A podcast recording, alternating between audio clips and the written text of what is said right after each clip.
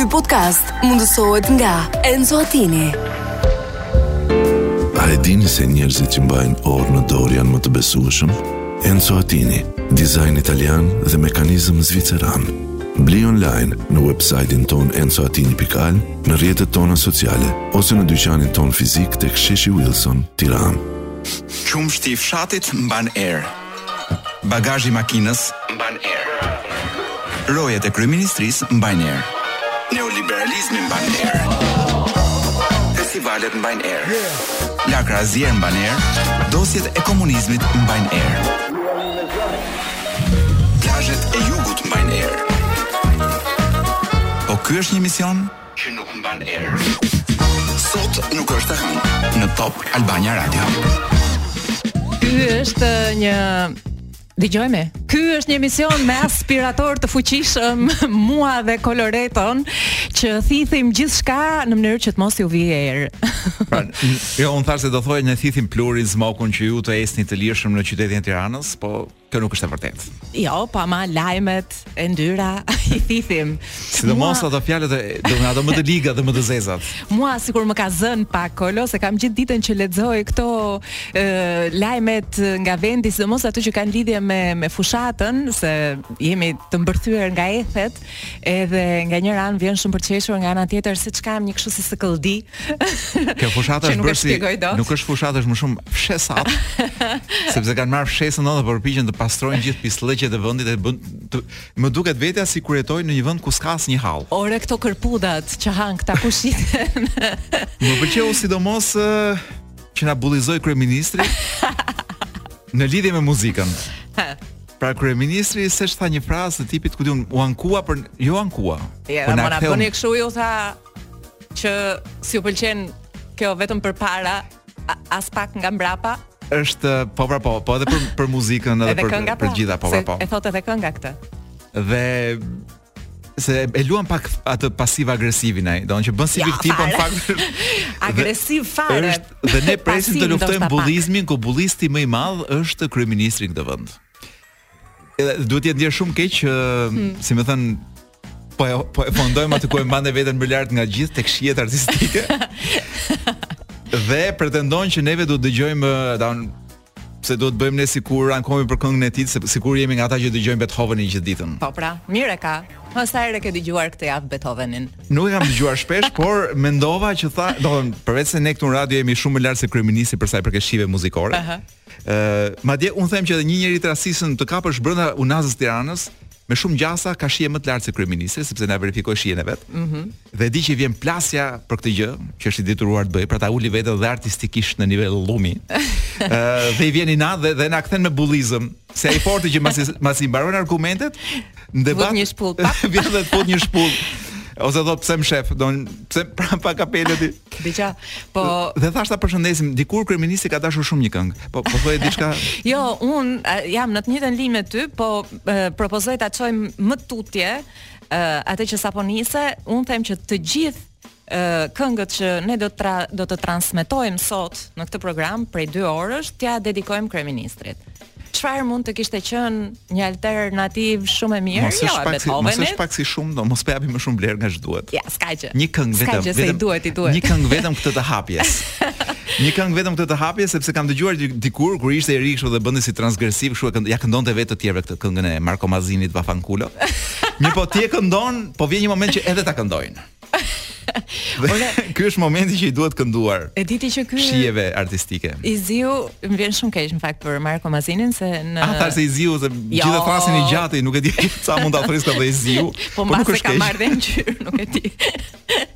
Ë, jo, po nuk do të. Ka sa po lodhen fushat. Nuk do të ja lejoja vetes kurrë ë ta të bëja të njëjtën gjë që bën ai, po Marko Mazini ka pasur një nam shumë të keqe fatkeqësisht në historikun e tij artistik, sepse e kanë konsideruar gjithmonë si ters ndjellës. Kështu që nuk do doja sikur hiç hiç t'i ishte ngjitur ters në fushat. nuk e di ç'të them. Ishalla nuk na kopjojnë dhe ta bëjnë si këngë fushate. Dhe ja ku jemi. Ja. Le të shpalosim. Në dallgët e radios duke folur për zëkthet e javës që kaloi. Ashtu dhe. Lajmet nga vendi. Të dashur dëgjues, po japim lajmet. Jepi. E, ta fillojmë nga lekat. Shqiptarët, lexoj këtu, shpenzojnë 147 euro për frym në vit. Për t'u veshur. në vit besoj. Jo, në në ditë. dhe që kemi që nga mesatarja më e ulët në Europë, ku këtu Jemi më të ulët sepse nuk kanë llogaritur këta që vishen vërtet me euro, por një që e vë në ball, ca që i vënë në sqetulla.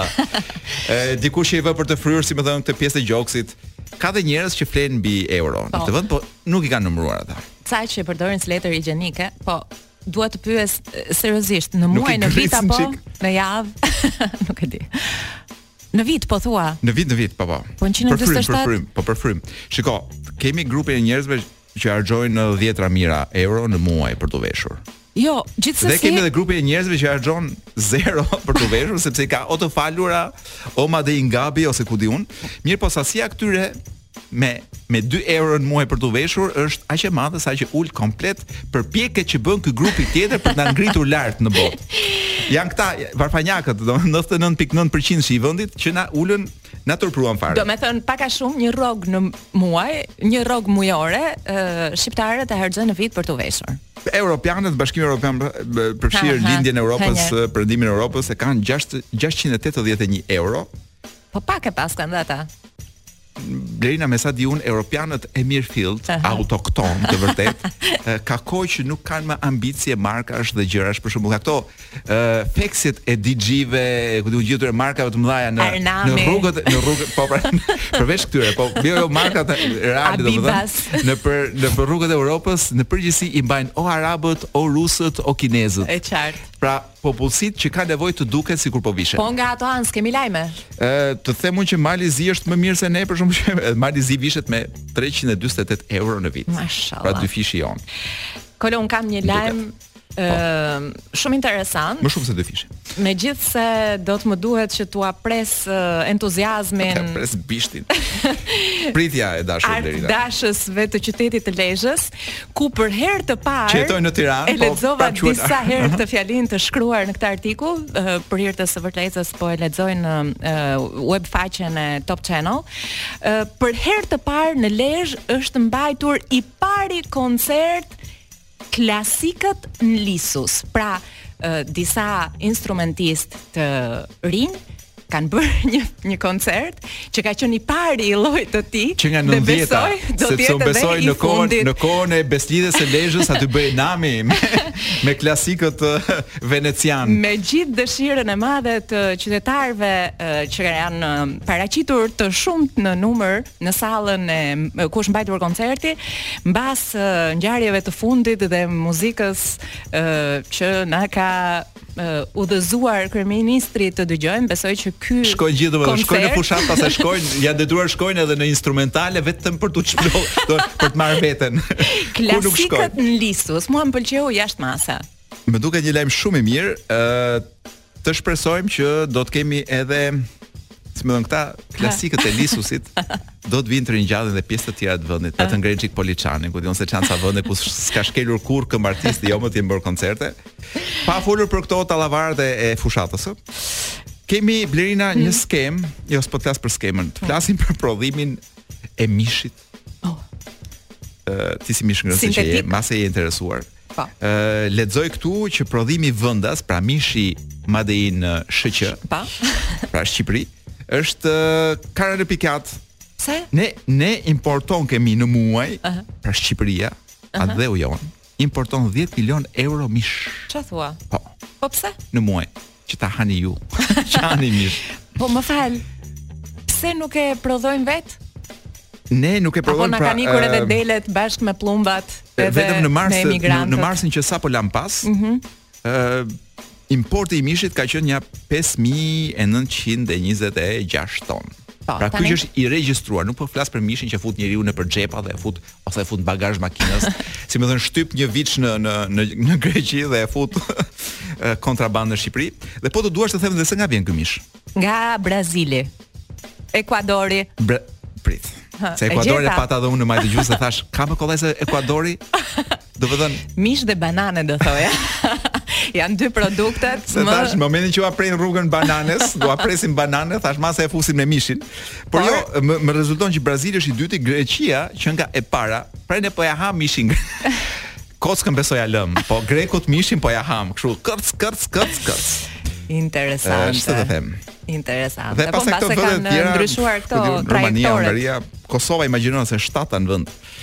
Ne importokemi mish nga 30 vende. Mhm. Mm ku mishi i Brazilit është ai që të të kënaq. Thonë që s'pastrojnë frigoriferët. Andaj që të han pushusit. Mos ka ndryshuar gjë itinerari këto I... rrugët ajrore tokësore. Nuk e di. Këto korridore. Nuk di të them a s'është çështje korridoresh.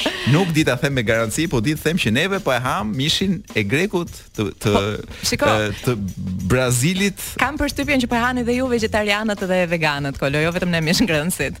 Për bar na japin nga ky bari jon. nuk nuk si, nuk lodhet njeri të sjell bar, uh, po themi meksikan këtu. Ham barin e vendit. Si vegjetarian që jemi. Kemi ndonjë kemi edhe ca gjëra, kemi po. Habit më. Të të habis çik me me një grusht feminil. Në sportin e boksit feminil oh. u përplasën lojtarët e basketbollit të Partizanit dhe të Tiranës. Është e kundërta. Në sportin e basketbollit u përplasën në një ndeshje të papritur boksi Dhe kemi uh, pashë edhe një video që ishte rrëqethëse. Ëh, mm -hmm. uh, suleshin gocat për ti, domethënë mirë që s'kish, mirë që s'kanë ku fusin thikat. në nëpër brekët e sportit. Nuk durojmë padrejtësitë kolo. Nuk durojmë dot, jemi gra. Domethënë, edhe imagjino që vendosa unë të ulesha të shikoja çik basketboll për të shplodhur tash boll të dhe dua femrash që të shplodhem nga makabriteti i Shqipërisë. Dëgjoj pa arsye në kuptove? Po për çështje pikësh, arbitrash, gjërash, Unë dyshoj që i thonë dhe gjëra njëra tjetrës në vesh ato se s'merren vesh se femra janë, do i thonë ik moj ti kështu, ik moj ti ashtu. Por më duket brutale që desha të thuash me femra janë. Sepse po ja ku di unë, nga që kemi një një një kështu si shpresë që civilizimi do dhe butësia dhe mirësia do na vijë nga nga gratë. Por këtu gratë janë bërë si burra sepse Ku di unë, ë uh, edhe është është sporti është kthyer në një gjë për jetë a vdekje, pra ka ikur ajo ideja që sporti është diçka e bukur që shijohet, ku do që kënaqesh kur luan, jep dorën. Po ca marifete aty. Po ku di unë ç'bëhet, po është për jetë a vdekje domethënë, po fituan ata ne jemi të vdekur. pra ne quhemi të vdekur. Kështu që t'i vrasim. Ç'është kjo heshtje? E lëmë këtu Blerina, meqenëse Kloi boll dëgjoi. Boll, e ka, e ka këtë stil Boll më dhe jo, boll se më lodhët Shiko, një tjetër këngë shumë e bukur E preferuara Kloit Po, Gorillaz dhe Thundercat Që nuk është prapë në lartësinë e Beethovenit Po, Po sigurisht, po. Jo veç keq. Sali në shtëpi Beethoven dëgjon, në banjë kështu kam dëgjuar, por e vetmja mënyrë për t'u relaksuar është me Mozart biles. Kupton? Tallavan e ka për këta, e ka për delet e fushatës. Brrr. Ethe elektorale. Kjo është dhe domethënë, nëse ka një tingull që më kujton uh, zgjedhjet është kjo. Prrr, është Ajo don ai bariu që mbledh dele dhe i çon përpara.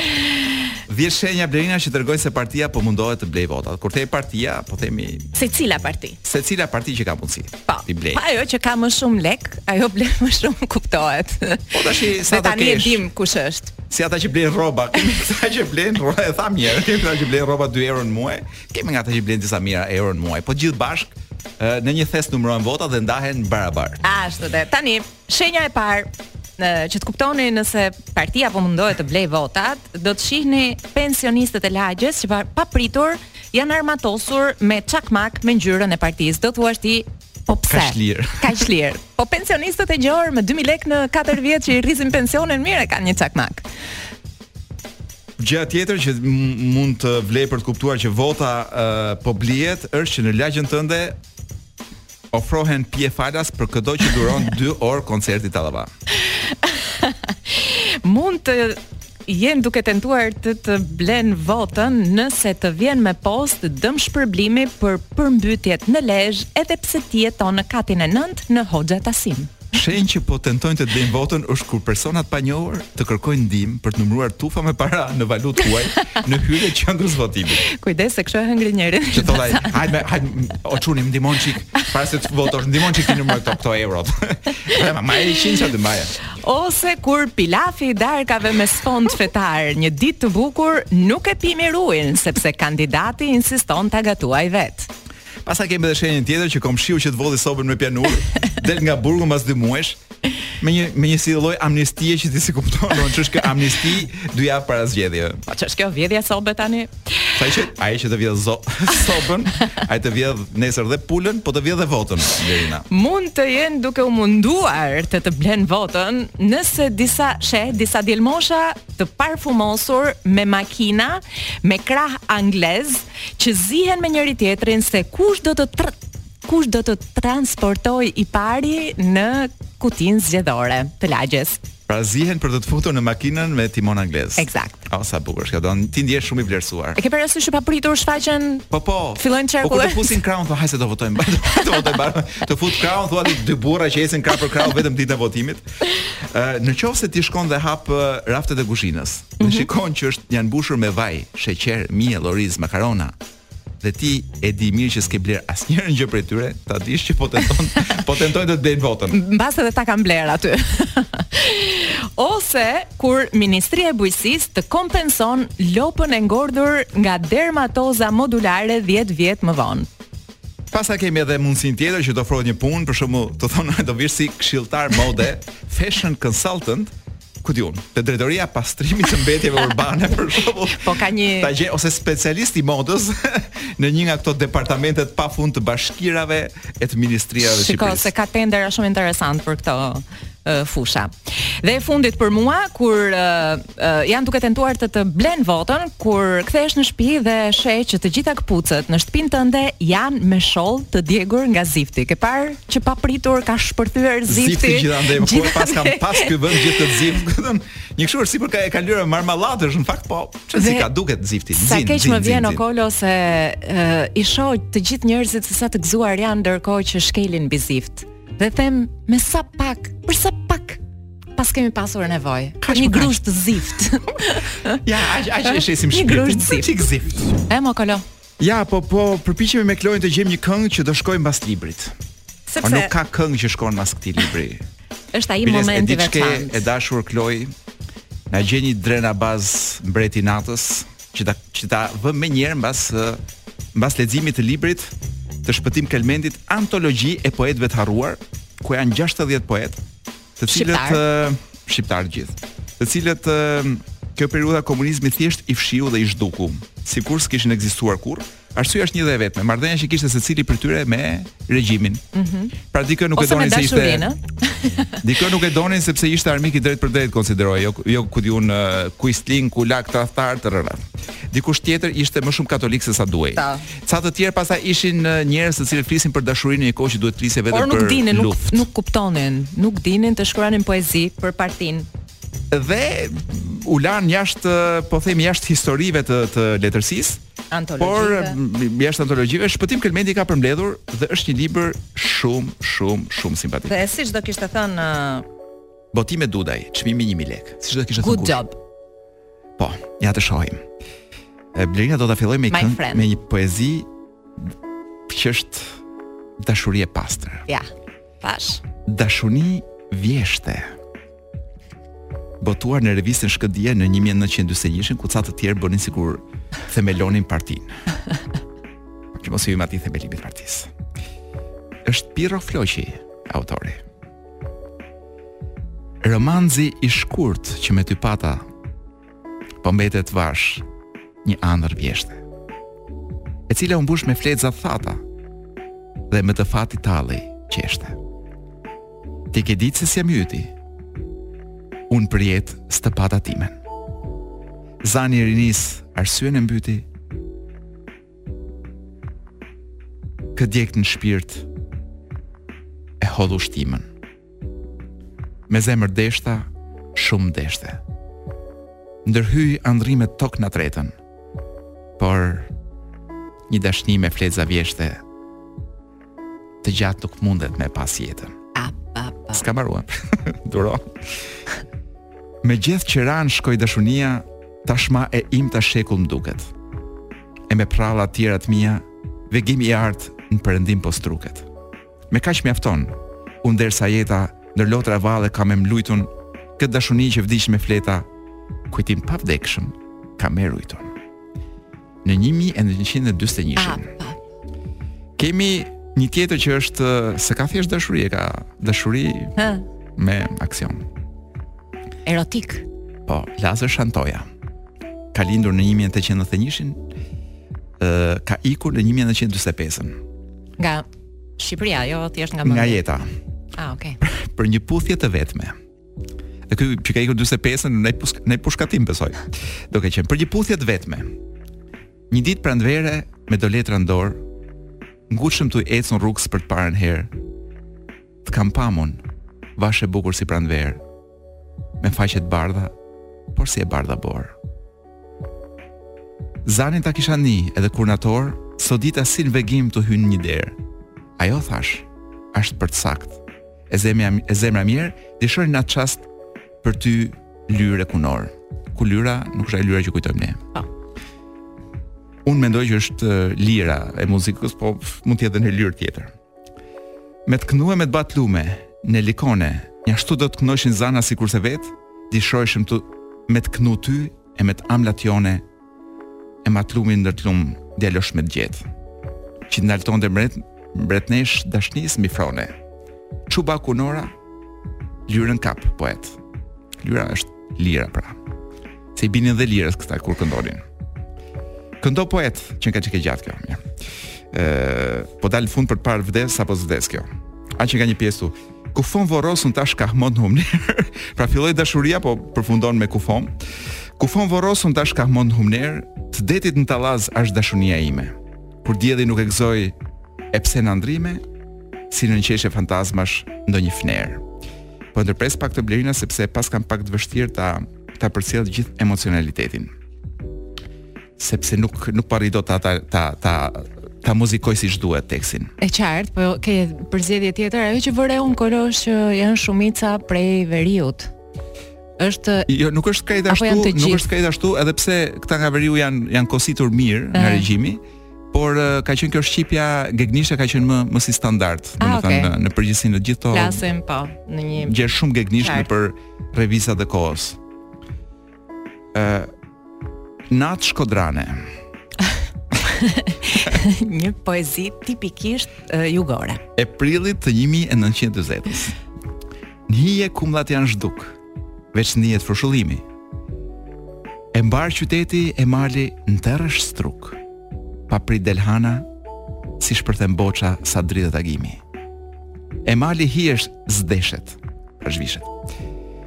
Të purpur të talaze, e, më fal, të purpur të purpur të pullaze shndrisin. E shoh tash kumllat në kopsht, që spash më parë. Gjethi me gjethin përmi tokë që ndisin, një rrez me hije e dritë. Ta ta mbaroj, Klo ta mbaroj deri në fund apo do ikim në mes poezisë? Ke dhe 30 sekonda. Po. Ku e lash? Zhurmat e ditës, Zhurmat e ditës një nga një heshtin gati pa u kujtue e shuhen si dihatje n'shtrat të vdekjes. Por nga s'largu, zanë, zane vijnë të ushtue.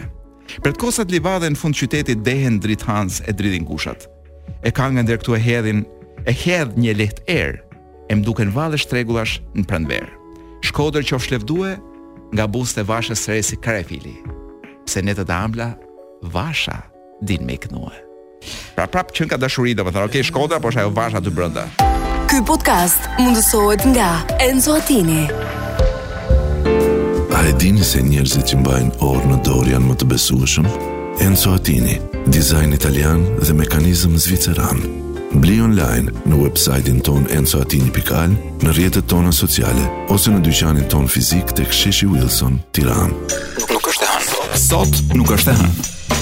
Shpresoj që Kolo të jetë duke më dëgjuar tani edhe të më bashkohet në këtë uh, pjesë të dytë të programit në të cilën do ta nisim duke folur për një nga um, le të themi citatet më të përmendura të javës.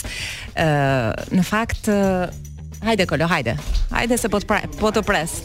E di, e di. Po thosha që do të komentojmë së bashku tani një ndër citatet më... A mund të tregoj pse u vonova? Sepse kolegët e radios po më tregonin videon dhe po debatonim mbi etikën e videos së Megi Pojanit. Do të ndryshosh temën? Jo, në temë dua të futem. Un dua t'i ftoj dëgjuesit e radios të ndjekin prononcimin e saj nesër në mëngjes në Wake Up edhe le t'ua lëmë kolegëve të mëngjesit ta shqyrtojnë dhe ta qajnë këtë hall së bashku me Megin, sepse ne kemi halle të tjera Kolo, ne kemi halle të një ë le të themi niveli epëror të ajkës së shoqërisë. Kemi, kemi. Sidomos kur bëhet fjalë për ajkën e shoqërisë franceze, Edhe dua të komentojmë së bashku një rikthim të fuqishëm të Ornela Vorpsit, shkrimtare ndër të tjera. Një uragan. Artiste e cila rikthehet pas shumë vitesh dhe un me shumë kureshti e shkova. Dhe na rikujtoi një emër të harruar që ishim përpjekur ta harronim ndër vite, po jo. Un u bëra shumë kureshtare se thash do ritrajtoj ose do sqaroj atë thagmë që ka lëshuar vite më parë. Por nuk ishte kështu. Na ilumino e dashur Blerina. Po çfarë ka ndodhur vite më parë dhe çfarë ndodhi vite më pas? Vite më parë ne dëgjuam nga ë uh, shkrimtarja Vorpsi po. që kryeministri ynë ka lënë pa fjalë kryeministri ynë aktual, ka lënë pa fjalë tër Parisin. Po. Për Parisin që njihte Ornela Vorpsi, që mund të ishin 10 vetë në Paris. Pastaj secili ka Parisin e vet, ëh. Ashtu që. Parisin e Ornelës kam idenë që është shumë veta mund ta. Tu të dua tani, shokojnë. sepse meqense ka shumë kohë që në Shqipëri uh, përflitet rreth këtij lajmi, ajo erdhi për ta sqaruar dhe un kujtova se ishte ironik sqarimi. sepse tha pse ju nuk e konsideroni ah. atë gjeni përderisa e keni pra, me sa kuptoj zonja Vorpsi është nga këta njerëzit të cilët ka, ku ka lindur zonja Vorpsi në ç'lagje të Shqipërisë? Nuk e di. Zonja Vorpsi që jeton në një nga pra. lagjet e Parisit, besoj unë, mbase në një nga ato arrondismentet afër qendrës. Ë, është nga ajo kategoria njerëzve që vijnë një herë në në disa kohë në Shqipëri. Në lagjen e Tiranës. Dhe vjen dhe vjen dhe na jep opinionet e veta sa e bukur është Shqipëria. Po. Pra këta njerëz që nuk dënojnë as vin vit për vit në Shqipëri ndoshta, por ama kanë gjithë një opinion se sa bukur është zhvilluar Shqipëria. Ë për ne që jemi detyruar të jetojmë këtu mes bokut, mes ku di unë, mes tmerrit, mes trafikut, mes dhunës, mes bullizmit, pa përmendur emrin e kryebullistit. Ë zonja Vorpsi vjen dhe na lavdron Shqipërinë dhe habitet me ne këtu që s'e kuptojmë ku jetojmë. Ne nuk kuptojmë jo Shqipërinë, po ne s'kuptojmë atë kryegjeniun. Jemi një popull ka të drejtë, ka të drejtë zonja Vorpsi. Jemi don që habitet me neve sepse neve Nuk dimë ta vlerësojmë çfarë kemi këtu. Kështu që ajo ka thënë, Rama, unë nuk thashë që Rama mahniti Parisin, sepse nuk mund të marr përsipër të flas në emër të çdo parizieni, se janë çik shumë. Por mahniti nja dy shokë të mitë. Por mahniti elitën e kulturës në Paris. Oh. Tani, unë nuk kam më çfarë të shtoj.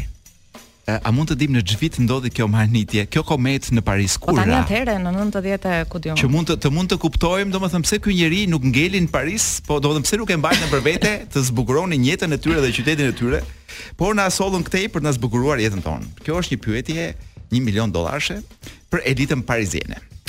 Ë zonja Vorpsi më vjen shumë mirë që që bëhet e gjallë herë pas here në, në rastet zgjedhjesh. Ë është sepse edhe droga se ti thua që edhe droga në botë transportohet me mushka në rastet domethënë në rastet kur skapet ia hypin mushkave dhe kështu pra ti është gjithmonë dikush është gjithmonë dikush që transporton gjëra kush transporton propagandën, kush drogën, kush ku di unë. Zonja Vorpsi bën mirë që propagandën ta marri edhe të shkojë ta afishojë në elitat e Parisit ku i shkon kryesisht jeta. Dhe të na lërë në llumin tonë këtu, sepse nuk duam dritë. Tani nuk, nuk e, e duam dritën që janë në parcella. Sa i pëlqen zonjës Vorpsi kjo uh, kënga e fushatës elektorale. Zonja Vorpsi është e zgjedhur. Nëse mund të flasim seriozisht, zonja Vorpsi është pjesë e një e një e një tufe grash, kryesisht në moshë të thyer, të cilat kanë ruajnë e, ende akoma akoma kujtimet e e një e një burri që dikur ishte ndoshta sharmant, interesant, e jo, rebel. Ajo ka sqaruar, po nuk po flas. Po është kthyer, është kthyer tashmë në të kundërt të gjithçkaje që ka qenë. Ajo e ka sqaruar Kolo. Dhe ka a e ka sqaruar edhe këtë? E ka sqaruar dhe ka thënë që nuk po i referohem fare periudhës kur e, e ka njohur si profesor në uh, Akademinë e Arteve. Asaj kur ai ka qenë në Francë të thashë. kur ka lënë senza parole, se nuk e di si thon frëngjisht. Sans parole. Sans parole. Uh, le français. Atëherë, uh, Për të fshirë gjithçka që ka thënë zonja Vorpsi, domethënë së fundmi, do kish do ishte shumë bukur në fakt sikur do na fliste për libra ose për letërsi ose për mungesën e shk, për mungesën e, e leximit, për mungesën e, e ose për analfabetizmin e, funksional të Shqipërisë të cilat dihet pse ndodhin, sepse ka ashtu, domethënë, ashtu po ndërtohet Shqipëria mm. nga lart poshtë, në mënyrë vertikale. Pra në vend që të na flasin një çik për librat dhe për mënyrën se si mund ta bëjmë këtë vend të lexojë më shumë, çfarë duhet bërë etj etj, zonja Vorpsi vjen dhe na tregon ë uh, si thonë francezët, palavra. dhe ndërkohë që ne merremi me thas mielli, grushte, zifti e të tjerë e të tjerë, dynjaja ka të tjera aroma. Dhe këngë ta lavaje. Të lutem mos e shkëput se kudo tani në çast sa që shoh pamje fushate, shoh një burrë të gjatë.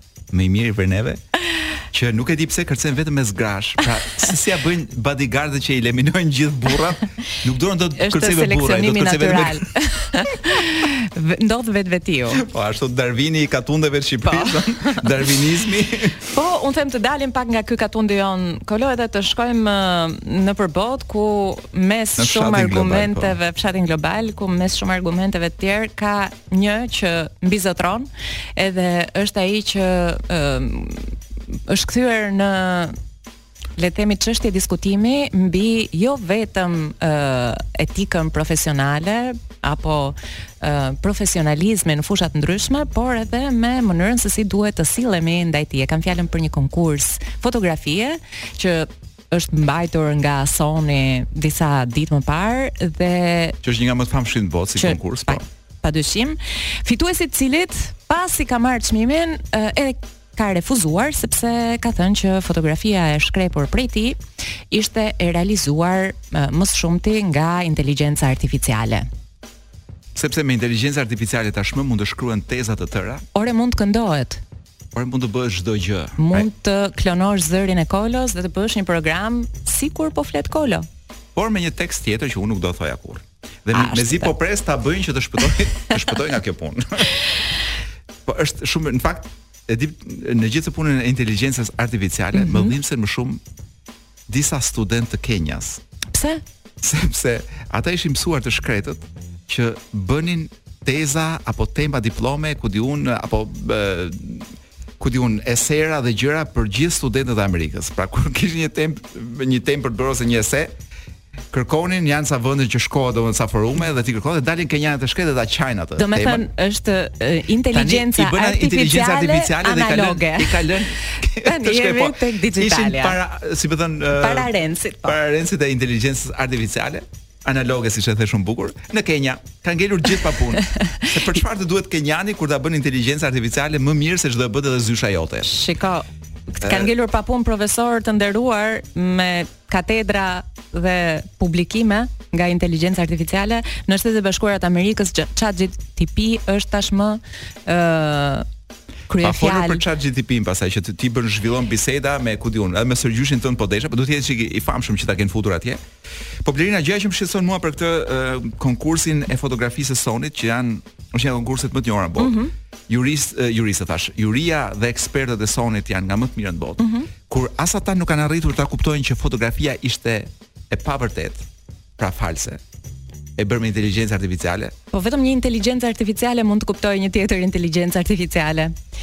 Dhe çështja tjetër qëndron Kolo, sepse u dokumentova paksa dhe me ç'thuhet ë uh, nuk ka një rregull specifik për sa i takon përfshirjes ose sasisë që do të përfshihet inteligjenca artificiale në këto konkurse, sasisë së lejuar përfshirjes së inteligjencës artificiale në këto konkurse sepse sido që të jetë, ë uh, edhe fotografët tashmë përdorin inteligjencën artificiale, nëse do t'i referoheshim ë uh, zhdërvjelltësisë së aparateve të tyre super teknologjike tashmë. Kështu që juria është tërhequr për të kuptuar çfarë do të bëjë dhe nuk i dihet se si do të vejë puna. Po unë them kur këta vetë nuk arrijnë ta kuptojnë pra njerëz të specializuar, unë lexuesi, Si mund ta kuptoj një foto fushate për shembull? Është e ah. vërtetë apo jo? Si mund ta kuptoj një lajm se unë ngrihem në mëngjes për shembull dhe dua të ngrej humorin dhe shoh lajmet në Ukrainë. Për shembull për të parë ç'po ndodh atje. Ah. Dhe jo gjithmonë më domethënë më përmirësohet humori, po e kam fjalën që gjithë ky informacion që konsumojmë, që është shumë edhe fotografik. Ëh. Mm -hmm. Dhe dëshmitë që na japin për shembull ti lexon një artikull apo një hetim apo një gjë që ka ndodhur dhe ka edhe foton përkatëse. Duhet Sa mund t'i besojmë tani? Dhe a mund t'i besojmë syve tanë? Kjo është ideja. Jo, ne duhet të vaksinohemi, duhet të edukohemi, duhet të informohemi. Janë detyra shumë të rënda, po apo të fikim të fikim të fikim televizorin edhe të shkojmë në fshat e të jetojmë atje. Jo, nuk besoj që do të ishte një zgjidhje. Të rrisim rrush edhe pula.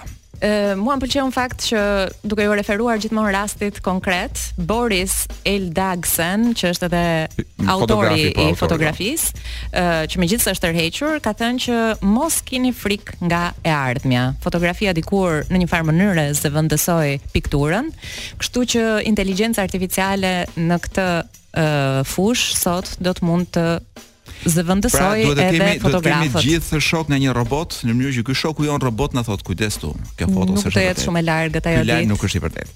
Nuk do jetë e largët. Ç'botë po jetojmë moj Blerina, kush e priste që na u kthye kështu. Do me gjëra artificiale. Ne që kishim ne që mendonim që do jetonim bio gjithë jetën dhe ja ku na vjen deri edhe inteligjenca artificiale. Ne të shkretët, imagjino se ç'mund bëjë propaganda me këtë inteligjencë artificiale. Ne nuk arrim as të shijojmë. Sa themi bio fap Ka ikur edhe momenti bio. jemi gjithmonë në bisht, sa themi një gjë fap. Nuk e di a ke vënë Blerina, meqenëse jemi gjithmonë te kjo gjëra që na gjëra që na ikin sepse ne jemi në bisht. Mm. Uh, për shembull, një gjë që na ka shpëtuar, ë uh, pa jetuar është telefonia me me sekretari. Ku ti merrje mesazhe dhe regjistroje. Nuk arritëm ta jetonim kurrë, se kur ne u bëmë me telefona bota kaloi ke celulari. Kur bota kaloi ke celulari, ne domethënë Pra gjithmonë jemi një hap mbrapa. Mua më vjen në mend një shprehje shumë klishe që nuk e di as se kush e ka thënë, por me të cilën kam qeshur gjithmonë, që thotë sa herë që unë ia gjej kuptimin jetës, ata ia ndrrojnë. Kështu që E ke thënë shumë bukur. E dashur Kloi. A e kemi a do kemi mundësi ta mbajmë premtimin që kemi dhënë njëri-tjetrit këtu që do vëmë çdo çdo mbrëmje të së hënës një një këngë nga Vasco Rossi? Po. Atëherë ndërkohë që Brina, ndërkohë që Kloi na bën gati Vasco Rossin, le ta rikujtojmë edhe këtë premtim solemn fushatë që kemi bërë, që për Snobllë kemi vendosur që gjithë jetën tonë në radio të luajmë nga një këngë të Vasco Rossit, duke shpresuar që nuk do mbarojnë këngët. Dhe albumi i radhës, do albumi, albumi që po luajmë në fakt prej dy javësh, java 3 sot, është një album C'è chi dice no? Po. Që është i i lasht. I lasht është. 30. Por, I këtij është i 10-ti, kupton? I, i 30-ti po. apo? Është i 87-s si album. A është atë? Por është 35 vjet më parë. Është epoka, është epoka e mirë e Vasco Rossit përpara se të vinte ku diun Kallavaja. Përpara se të vinte mirë, por çik para para se të vinte celulari, domethënë dhe njerëzit dhe muzika të shpërndahej në mënyrë masive dhe kushdo të bënte muzikë me kompjuter. Vasco Rossi bënte dhe nuk ishte shumë komercial, bënte ca do thoja unë albume shumë të mira dhe një prej tyre është dhe ky C'è chi dice no, tek i cili kemi zgjedhur njërën nga nga ja ta gjej këtu fiks se cilën këngë. Dhe Ridere di te. Me qesh me ty. Dhe ky bën gjitha tekstet vetë me sa kam kuptuar. Muzikën ia bën një shok i ngushtë ose ose një komshi. Por tekstet i ka të gjitha të veta. Ja ku jemi përsëri, vëri vëri kufjet. Ë uh, do të shqyrtojmë çfarë do të shqyrtojmë Kolo. Nga që jam mësuar që reklamat zgjasin shumë dhe tashmë më duket sikur ajo ajo shuma mund të jetë 20 minuta. Ja. Por jo, ka reklama blloqe që zgjasin 1 minutë gjysmë. Unë dua të të informoj mbi një studim shumë interesant të bërë së fundmi, kuptohet në uh, universitetet amerikane, atë të Rochesterit, më duket. Mos gaboj. Uh, janë vënë në uh, shqyrtim një numër i caktuar studentësh, të cilët uh, kanë rezultuar se pas një uh, qëndrimi prej 15 minutash të vetëm në vetmi kanë arritur të uh, nivelojnë stresin ose të ulin nivelet e larta të stresit. Kur thua vetëm? Vetëm, vetëm, vetëm pa telefon, pa ah, telefon, pa as, celular, as, gjë, asgjë fare, vetëm si As aty afër që ta shohësh nga larg si po pa prekur. vetëm do të thotë që ti rri 15 minuta me veten tënde për të kuptuar, për të qetësuar, për të relaksuar. Ti di që ka njerëz që mirë që mbajnë te koka e krevatit, po herë mas here u del gjumi dhe hapin dhe shohin celularin. Do të duan vetëm ta shohin, domethënë që s'ka njerëz. Ajo është shumë gabim. Cila, Ajo të riaktivizon trurin dhe ti nuk fle dot më për gjithë pjesën tjetër të natës. Tani dikur ankoheshim që na don për problemet që kishte njeriu, tash armiku i vërtetë i njeriu dihet se cili është. Gjithsesi, Teknologjia. Do ta sugjeroja. Dhe pra do të rrim 15 minuta vetëm thua ti? Po. Ë ka rëndësi si jemi vendi ku rrim dhe si jemi veshur dhe me mund të marrim një lodër tjetër me vete. Jo, pra jo, duhet të rrish vetëm Kolo, pra nëse ti ke një sherr me, me gruan, një mosmarrëveshje me shefin, një përplasje me një koleg, një ë uh, ku di un. Blina po sa po ma zure, sa po ma zure gjithë ditën. Ku do gjej un atë gjithë këto gjëra që numërove? Ku do ta gjej atë 15 minutë? S'do të ndodhin të gjitha në një ditë. Po mund të qëllojë, mund të qëllojë. 15 minuta. Jemi njerëz me jetë aktive. Kur të shkosh në tualet, mos rri 3 minuta. Po rri 15. Rri 15. Dhe do do ta shohësh do të dalësh më i relaksuar, më i qetë. Nuk jam shumë i sigurt që ndenjura në tualet mund të quhet ndenjur vetëm. Nuk ka rëndësi, nuk thotë se ku. A nuk e thotë se ku? Jo, nuk ka rëndësi. Uh, unë kisha idenë që njeriu në mënyrë të vullnetshme po themi vetizolohet diku. Po, pra. Vajtja në tualet është në përgjithësi një aktivitet ku jemi të detyruar të marrim pjesë. Pra është një nga ato fushat, një ato aktivitetet e fushatës. S'ke fajin fakt se do vijnë. Ku kemi vajtje me detyrim ose na heqin nga puna, pra duhet vajtur në tualet. Do vijnë të të trokasin, të të nxjerrin nga banja. Ndërsa un kam përshtypjen që ne jemi në një shoqëri e jona sidomos që ka humbur uh, instiktin e ndënjurit me veten. Prandaj kemi frikë nga të ndënjurit me veten se kush e di ç'zbulojmë. Po ja pra, kjo domethënë vetëm me mendimet tona. Kjo na tmerron. Të rrish vetëm me mendimet e tua. Tani ideja është që të mos ta zgjasësh, ha? 15 minuta janë mjaftueshëm, nuk duhet të kthehemi pastaj. Po ti hoqe orën me zile, ti m'i hoqe të gjitha, m'i hiqni të gjitha me përjashtim të orës me zile, lutem shumë. Ka qenë një reklamë. Ka qenë një dikur domethënë një reklamë, një nga këto spotet kështu. Mi zhvishni të tëra përveç orës time. Orës time. Të të qaj një hall timin, e dashur Blerina. Ma qaj. Kam një hall kështu që është, nuk është dhe aq imi sa ç'është i gjithi joni. Ë më çuan më përcollën një video TikToku. Mhm. Mm ku ishin nja katër burra, djem, ku nuk merreshin vesh mirë se çfarë ishin, po ishin bënin një bisedë të katërt bashkë, katër ose pesë. Biseda ishte shumë intelektuale. Diskutohej për vizat e kokainës që merrte njëri dhe tjetri. Ë debati ishte i ndezur dhe shaheshin me njëri-tjetrin Po me një dhunë dhe vulgaritet, po vulgaritet jo te fjalët e ndyra, po në As te kokaina. Në koncept. dhe sharja ishte mor, po ti nuk e di mor, po un sa kam bër un, mor sa kam thith un, mor, po un pyet mor filanin sa kam thith un, thoshte ti, ti mor, po ku thith ti mor, po un thith. Domethënë një krefje gjelash. Uh, Kush e kishte thithur më të trashë? Mua më shqetësoi. Po. Ëh. Uh, Vizën e kokainës ose? Mua pjesën e Kështu kam përshtypjen që e masin. Hemisferën e majtë të trurit. Pra kush e ka më të trashë? Pra kush ka më shumë presh që po i rriten brenda trurit? Ë Blerina nuk më shqetësoi shumë kjo gjë sepse unë e kuptoj që ne vend vulgar jemi, ja shih ja shih muzikën e muzikën e fushatës. Pra nuk nuk ka arsye pse të jetë ndryshe TikToku i shqiptarëve nga ç'është komunikimi në nivele më të larta. Ë Por gjëja që më habiti është që kishte me dhjetëra mijëra pëlqime. Pra ai muhabet idiot, ku dikush mund ta shohë vetëm për të parë ku shkon budallëku njerëzor, kishte një pafundësi me pafundësi jo, por kishte një numër shumë të madh klikimesh. Un... Pra janë 20-30 mijë shqiptarë që e pëlqejnë atë gjënë. Jo, unë nuk besoj. Po besoj që janë të huaj. Ato like çfarë janë? A janë të huaj? Janë të huaj. Janë botsa. Po nuk e di, domethënë nuk më bën fare përshtypje droga, se është është për mua droga, kokaina është një gjë, një normalitet. Ja, nxirre. Është një normalitet shqiptar.